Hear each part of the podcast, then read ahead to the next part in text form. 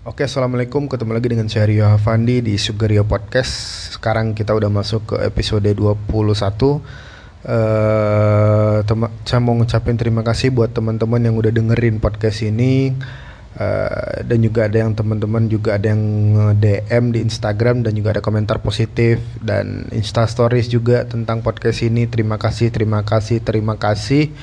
Bagi saya itu sebentuk motivasi, sebentuk apresiasi sehingga ke depan mudah-mudahan konten podcast Sugerio semakin bermanfaat, semakin berfaedah, semakin menebarkan inspirasi. Asik. uh, kali ini saya ingin bahas tentang sesuai dengan judulnya, kenapa saya berhenti menulis. Jadi belakangan uh, beberapa waktu belakangan saya lumayan tidak produktif, bukan mulai bukan main lagi malahan memang tidak ada tulisan-tulisan yang lagi uh, saya garap beberapa waktu belakang. Selain memang karena kesibukan tapi juga ada beberapa kes, uh, alasan yang saya pikir kesibukan tidak menjadi alasan yang bisa diterima kayak gitu. Karena tidak ada juga penulis yang saya pikir menganggur dalam artian tidak ada bekerja tapi memang mereka penulis-penulis yang produktif produktif itu juga punya punya waktu kesibukannya sendiri dan uh, tentu alasan pekerjaan dan seterusnya itu tidak bisa diterima ya.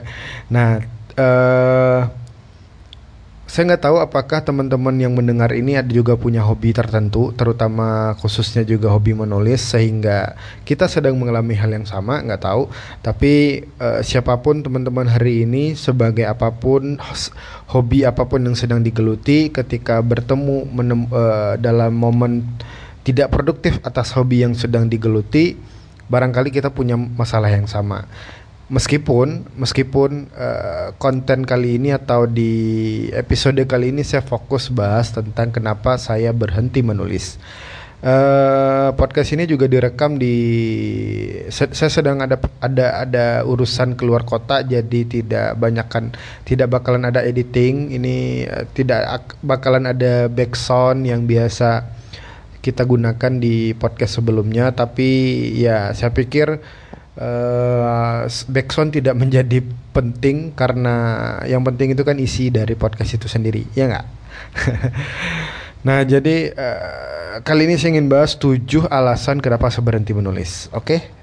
kita masuk ke poin yang pertama yaitu insecure. Insecure itu apa sih bahasa Indonesianya?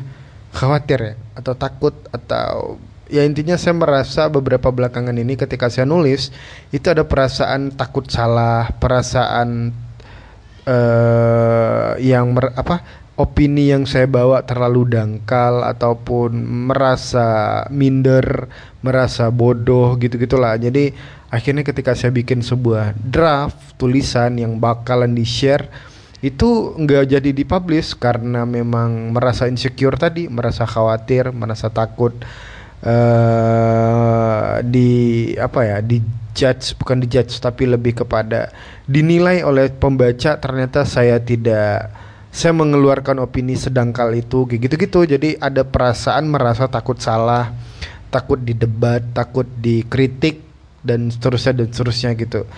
Dan meskipun saya sebenarnya tidak berhenti menulis secara utuh tapi tulisan-tulisan yang saya buat itu ada disimpan di draft di ponsel uh, di di aplikasi notes. Tapi memang untuk mempublisnya itu jadi uh, takut dan akhirnya menumpuk dalam uh, draft saja kayak gitu.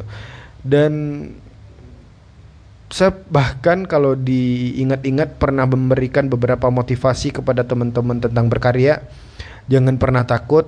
Tapi entah kenapa belakangan uh, nasihat ini menjadi bumerang kepada saya sendiri dan saya merasa insekuritas itu semakin bertumbuh dan akhirnya tulisan-tulisan ini tidak berani lagi untuk dipublish, tidak ingin lagi di share ke teman-teman dan eh, nggak uh, tahu akan sampai kapan perasaan uh, khawatir ini terus terawat dalam hati saya tentu.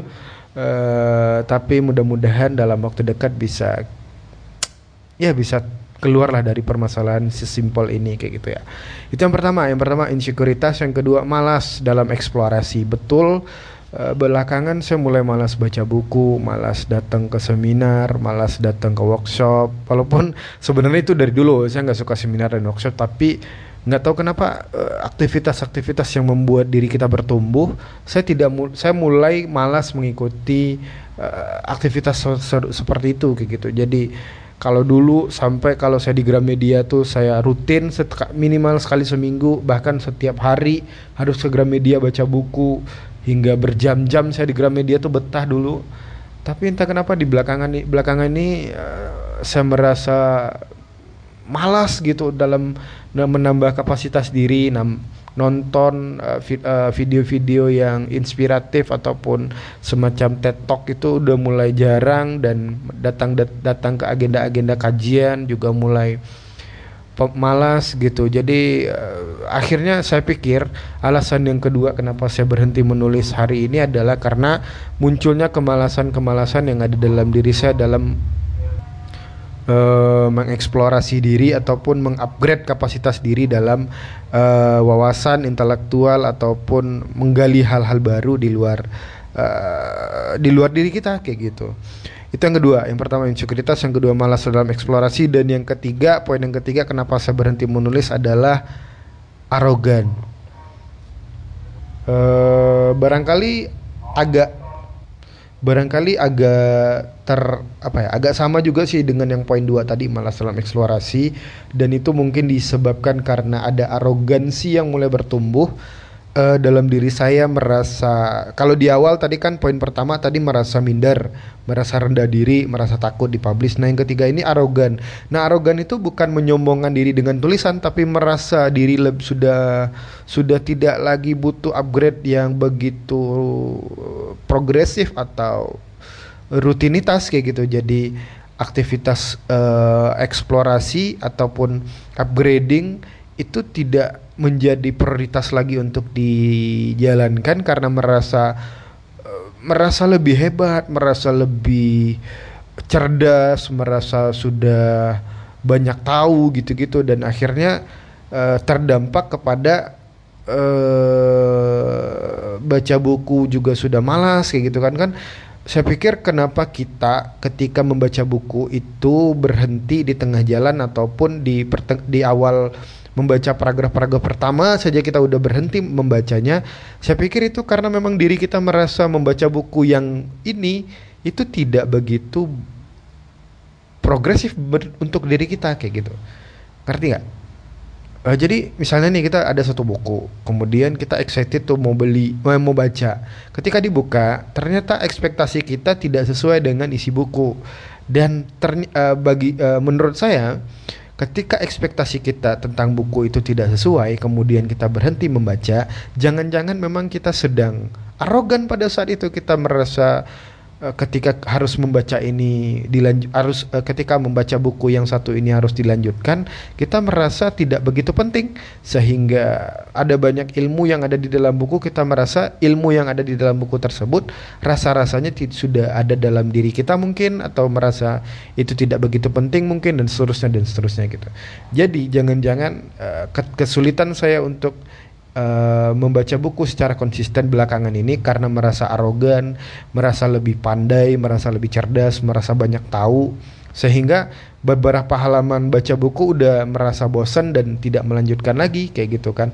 Uh, tahu juga sih ini asumsi saya saja secara uh, personal man, boleh jadi salah juga sih. Boleh jadi memang topik yang dibahas oleh buku itu tidak menarik tapi ini dugaan sementara jangan-jangan memang saya merasa lebih lebih banyak tahu sehingga tidak perlu lagi banyak-banyak baca buku serutin itu gitu. Ataupun uh, saya mungkin barangkali sedang menantikan buku-buku yang relevan untuk saya baca sehingga buku-buku yang ada hari ini tidak merasa tidak relevan lagi untuk dibaca itu kan juga sebentuk arogansi gitu kan jadi barangkali uh, yang pertama uh, yang kenapa saya malas mengeksplorasi sehingga uh, saya tidak produktif dalam menulis karena ada benih-benih arogansi dalam dalam dalam hati saya yang mulai mulai mulai ter kena virus itu gitu. Kalau dianggap arogansi itu adalah semacam virus berarti sudah tergerogoti oleh virus arogan kayak gitu. Sehingga muncullah kemalasan-kemalasan dalam mengupgrade kapasitas diri kayak gitu. Nah, ketika kapasitas diri tidak diupgrade, ketika mulai malas baca buku, mulai malas nonton video yang berfaedah, mulai malas datang ke seminar, mulai malas datang ke kajian, maka itu bakalan terdampak kepada produktivitas kita dalam berkarya kayak gitu kan sehingga akhirnya belakangan pun saya tidak lagi bisa menelurkan tulisan-tulisan seben, sebagaimana dulu yang pernah saya ala, uh, jalani kayak gitu. Yang ketiga, yang keempat, poin yang keempat kenapa saya berhenti menulis adalah obsesi membuat sesuatu yang terbaik Nah, barangkali ini beda momentum ya dalam artian kalau tadi saya cerita poin pertama karena mal, karena karena insekuritas di momen yang lain barangkali saya tidak bukan soal khawatir atau tidaknya dalam ketika mempublish tapi mungkin tidak malas dalam mengupgrade diri sehingga tidak punya bahan.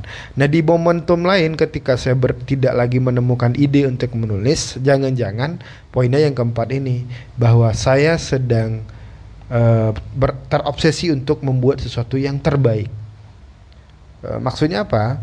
Maksudnya adalah ketika kita membuat sesuatu uh, dan kita menargetkan atau berekspektasi tinggi tentang karya yang sedang kita buat, maka kita bakalan dicerca uh, oleh uh, apa ya? Oleh target-target yang begitu maksimal standar-standar yang begitu maksimal sehingga kita kadangkala tidak bisa mencapai target itu gitu. Ngerti nggak?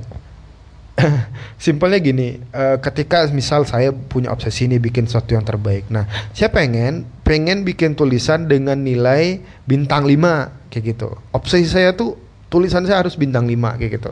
Nah ketika obsesi ini dibentuk ke, uh, dalam mindset kita atau paradigma kita saat mau menulis itu tentu harus tinggi kayak gitu. Kita akan tergagap-gagap untuk membuat sebuah kata demi kata karena kita takut kalau nanti tulisan kita ternyata tidak bintang 5 kayak gitu.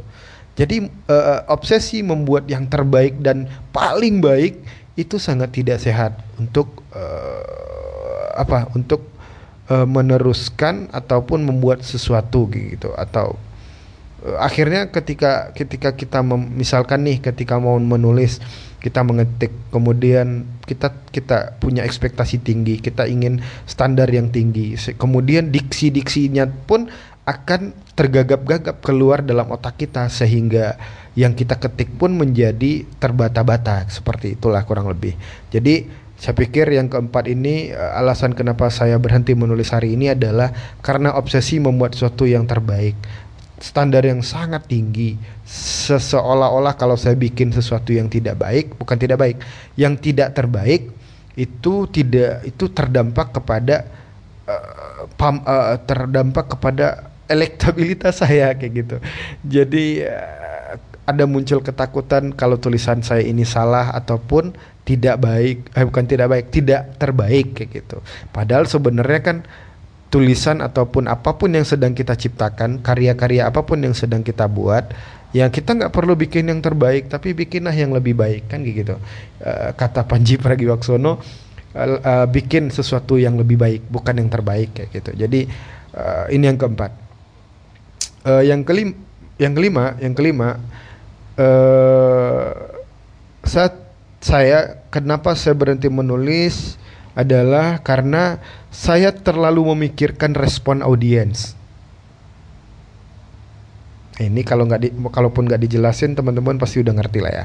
Intinya ketika saya bikin tulisan, saya memikir, mem memikirkan kira-kira pembaca saya bakalan respon apa kayak gitu. Nah, ketika kita memikirkan respon dari uh, audiens atau pembaca atau penikmat karya kita, itu bisa lo menjadi momok untuk kita menelurkan sebuah karya kayak gitu. Jadi uh, itulah yang saya rasakan belakangan ini jangan-jangan di momentum yang lain lagi-lagi.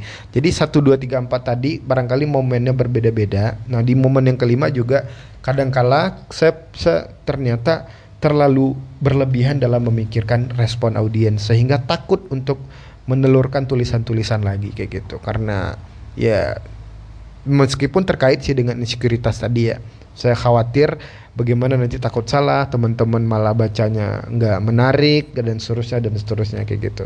Padahal kan kalau kita berkarya mah ya bikin aja gitu kan kita nggak terlalu boleh sih mikirin audiens tapi jangan terlalu berlebihan sehingga terdampak kepada karya-karya kita uh, produktivitasnya kayak gitu Oke, okay.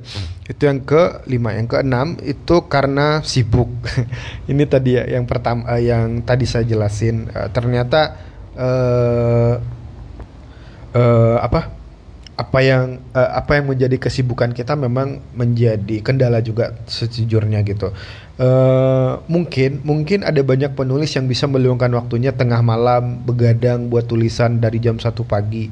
Saya per pernah nyoba kayak gitu tapi nggak tahu kenapa dini hari itu ide-idenya malah tidak muncul kayak gitu. Saya sering mendapatkan ide ketika siang hari, ketika sore hari dan itu ketika memang tugas-tugas kantor lagi uh, numpuk kayak gitu. Jadi akhirnya ini nggak balance nih atau apa uh, ada yang saling tidak prioritas sehingga akhirnya uh, tulisan itu, pun jadi sulit untuk menemukan waktunya kapan untuk ditulis. Solusinya yang belakangan ini saya jalani adalah menuliskan uh, topik yang lewat dalam otak saya kayak pada saat uh, tertentu gitu. Misalkan nih ketika lagi kerja atau lagi makan siang saya nemu ide tuh mau nulis tentang A kemudian ditulis di, dibikin aja dulu di draft di draft ponsel ataupun di uh, aplikasi notes yang ada di handphone. Kemudian ternyata ketika siang hari atau uh, itu ketika siang hari ketemu idenya, sore hari atau malam hari mau ditulis itu jadi nggak bisa dieksplor lagi kayak gitu. Saya jadi bingung mau mulai dari mana ide itu muncul ketika siang hari dan saya lupa uh, ini uh, arahnya ke mana, arah tulisannya ke mana dan seterusnya dan seterusnya kayak gitu kan. Nah itu yang mungkin uh, juga menjadi alasan kenapa saya berhenti menulis. Kemudian yang ketujuh atau yang terakhir jadi uh, yang terakhir ini agak unik karena saya tidak tahu istilah ini tapi ketika saya mengenal istilah ini saya akhirnya menyadari jangan-jangan saya berada di posisi itu yaitu disebut dengan writers blocks. Jadi beberapa minggu yang beberapa hari yang lalu saya ngikutin sebuah event dari uh, bukan beda buku tapi sharing dari teman-teman penulis uh, yang bukunya udah diterbitkan di penerbit mayor pada saat itu salah satu audiens bertanya di sesi diskusi. Uh, pertanyaannya adalah pernah nggak sih penulis atau waktu itu kan narasumbernya penulis jadi pernah nggak sih penulis uh, mengalami writers block ketika kita ingin menulis kita kehilangan kata-kata kemudian nggak uh, tahu mau nulis apa dan pokoknya agak susah lah menelurkan tulisan-tulisan baru Uh, karena si pen, yang penanya itu bertanya itu karena dia mengala sedang mengalami momen itu kayak gitu. Nah setelah saya mendengar itu lah jangan-jangan saya sedang di di di di, di periode itu gitu. Jangan-jangan saya sedang berada di di fase writers block itu saya nggak tahu juga. Dan kemudian uh, dijelasin lah sama penulisnya pada saat itu ternyata memang ada istilah writers block. Dan saya pun tidak mau ngeriset lebih dalam writer's block itu uh, apa kemudian dari sisi psikologinya gimana dan seterusnya. Saya nggak mau googling tuh karena saya tak bukan takut. Saya ngerasa uh, jangan-jangan jangan-jangan writer's block itu hanya semacam alasan kita padahal sebenarnya kita tuh emang lagi males saja menulis. Emang kita males saja bereksplorasi. Emang kita males saja menelurkan ide-ide baru dan seterusnya dan seterusnya. Emang kita aja yang sok sibuk kayak gitu kan. Jadi saya tidak mau mendalami tentang teori writer's block ini karena uh, saya khawatir jangan-jangan itu cuman sekadar pelampiasan atas uh, kemalasan-kemalasan yang kita punya kayak gitu kan. Itu secara pribadi ya. Teman-teman mungkin yang berada di fase itu boleh jadi memang uh, bukan karena malas tapi karena memang berada di kebuntuan uh, dalam dalam menelurkan karya-karya baru kayak gitu. Nah, saya nggak tahu ke depan bakalan seperti apa. Uh, apakah saya bakalan balik lagi nulis uh, di blog dan Instagram nggak tahu. Yang pasti uh, mudah-mudahan fase kemalasan ataupun fase keberhentian saya dalam menulis ini segera berakhir. Dan bisa ketemu teman-teman lagi di sosial media ataupun di uh, di blog. Uh, mudah-mudahan uh, ya tidak lama lah. Karena jujur saya punya punya ikhtiarnya juga tersendiri untuk mengatasi uh, kenapa saya berhenti menulis ini gitu. Contohnya hari ini saya pun pergi ke Jakarta memang kebetulan ada tugas kantor jadi sambil jalan-jalan kemudian mudah-mudahan ada SMS. Bentar. Ya, uh, oke okay, sampai mana tadi ya? Uh, ya salah satu ikhtiarnya adalah eh, saya jalan-jalan bertemu dengan orang-orang baru. Mudah-mudahan ini bisa membuka perspektif baru dan uh, tadi tadi siang juga sempat mampir ke Gramedia baca-baca buku di sana uh, ya mudah-mudahan bisa mem mempengaruhi dan menelurkan lagi ide-ide baru untuk menulis. Nah, uh, mungkin itu saja ya di episode kali ini. Uh, mudah-mudahan ada manfaatnya teman-teman yang dengerin ini. Kalau ada cerita inspirat, bukan inspiratif sih. Kalau ada cerita yang ingin diceritakan bareng Sugrio Podcast, silakan di DM di Instagram uh, @riohavandi ataupun di email riohavandi@gmail.com Nanti di situ kalau teman-teman ada pertanyaan yang ingin dibahas di podcast, saya bakalan bahas. Jadi ditunggu emailnya. Uh, mudah-mudahan sih ada yang email ya. Uh, sekali lagi terima kasih. Mungkin uh, sampai di sini dulu ya di episode kali ini. Uh, bagi teman-teman yang lagi dengerin, uh, jangan lupa di share ke teman-temannya dengan cara screenshot kalian lagi dengerin ini, kemudian posting di Insta Storiesnya dan posting juga ataupun eh, DM juga di Instagram @rioavandi sebagai uh, bensin agar konten ini semakin terus berjalan. Terima kasih, mohon maaf. Wassalamualaikum warahmatullahi wabarakatuh. Bye bye.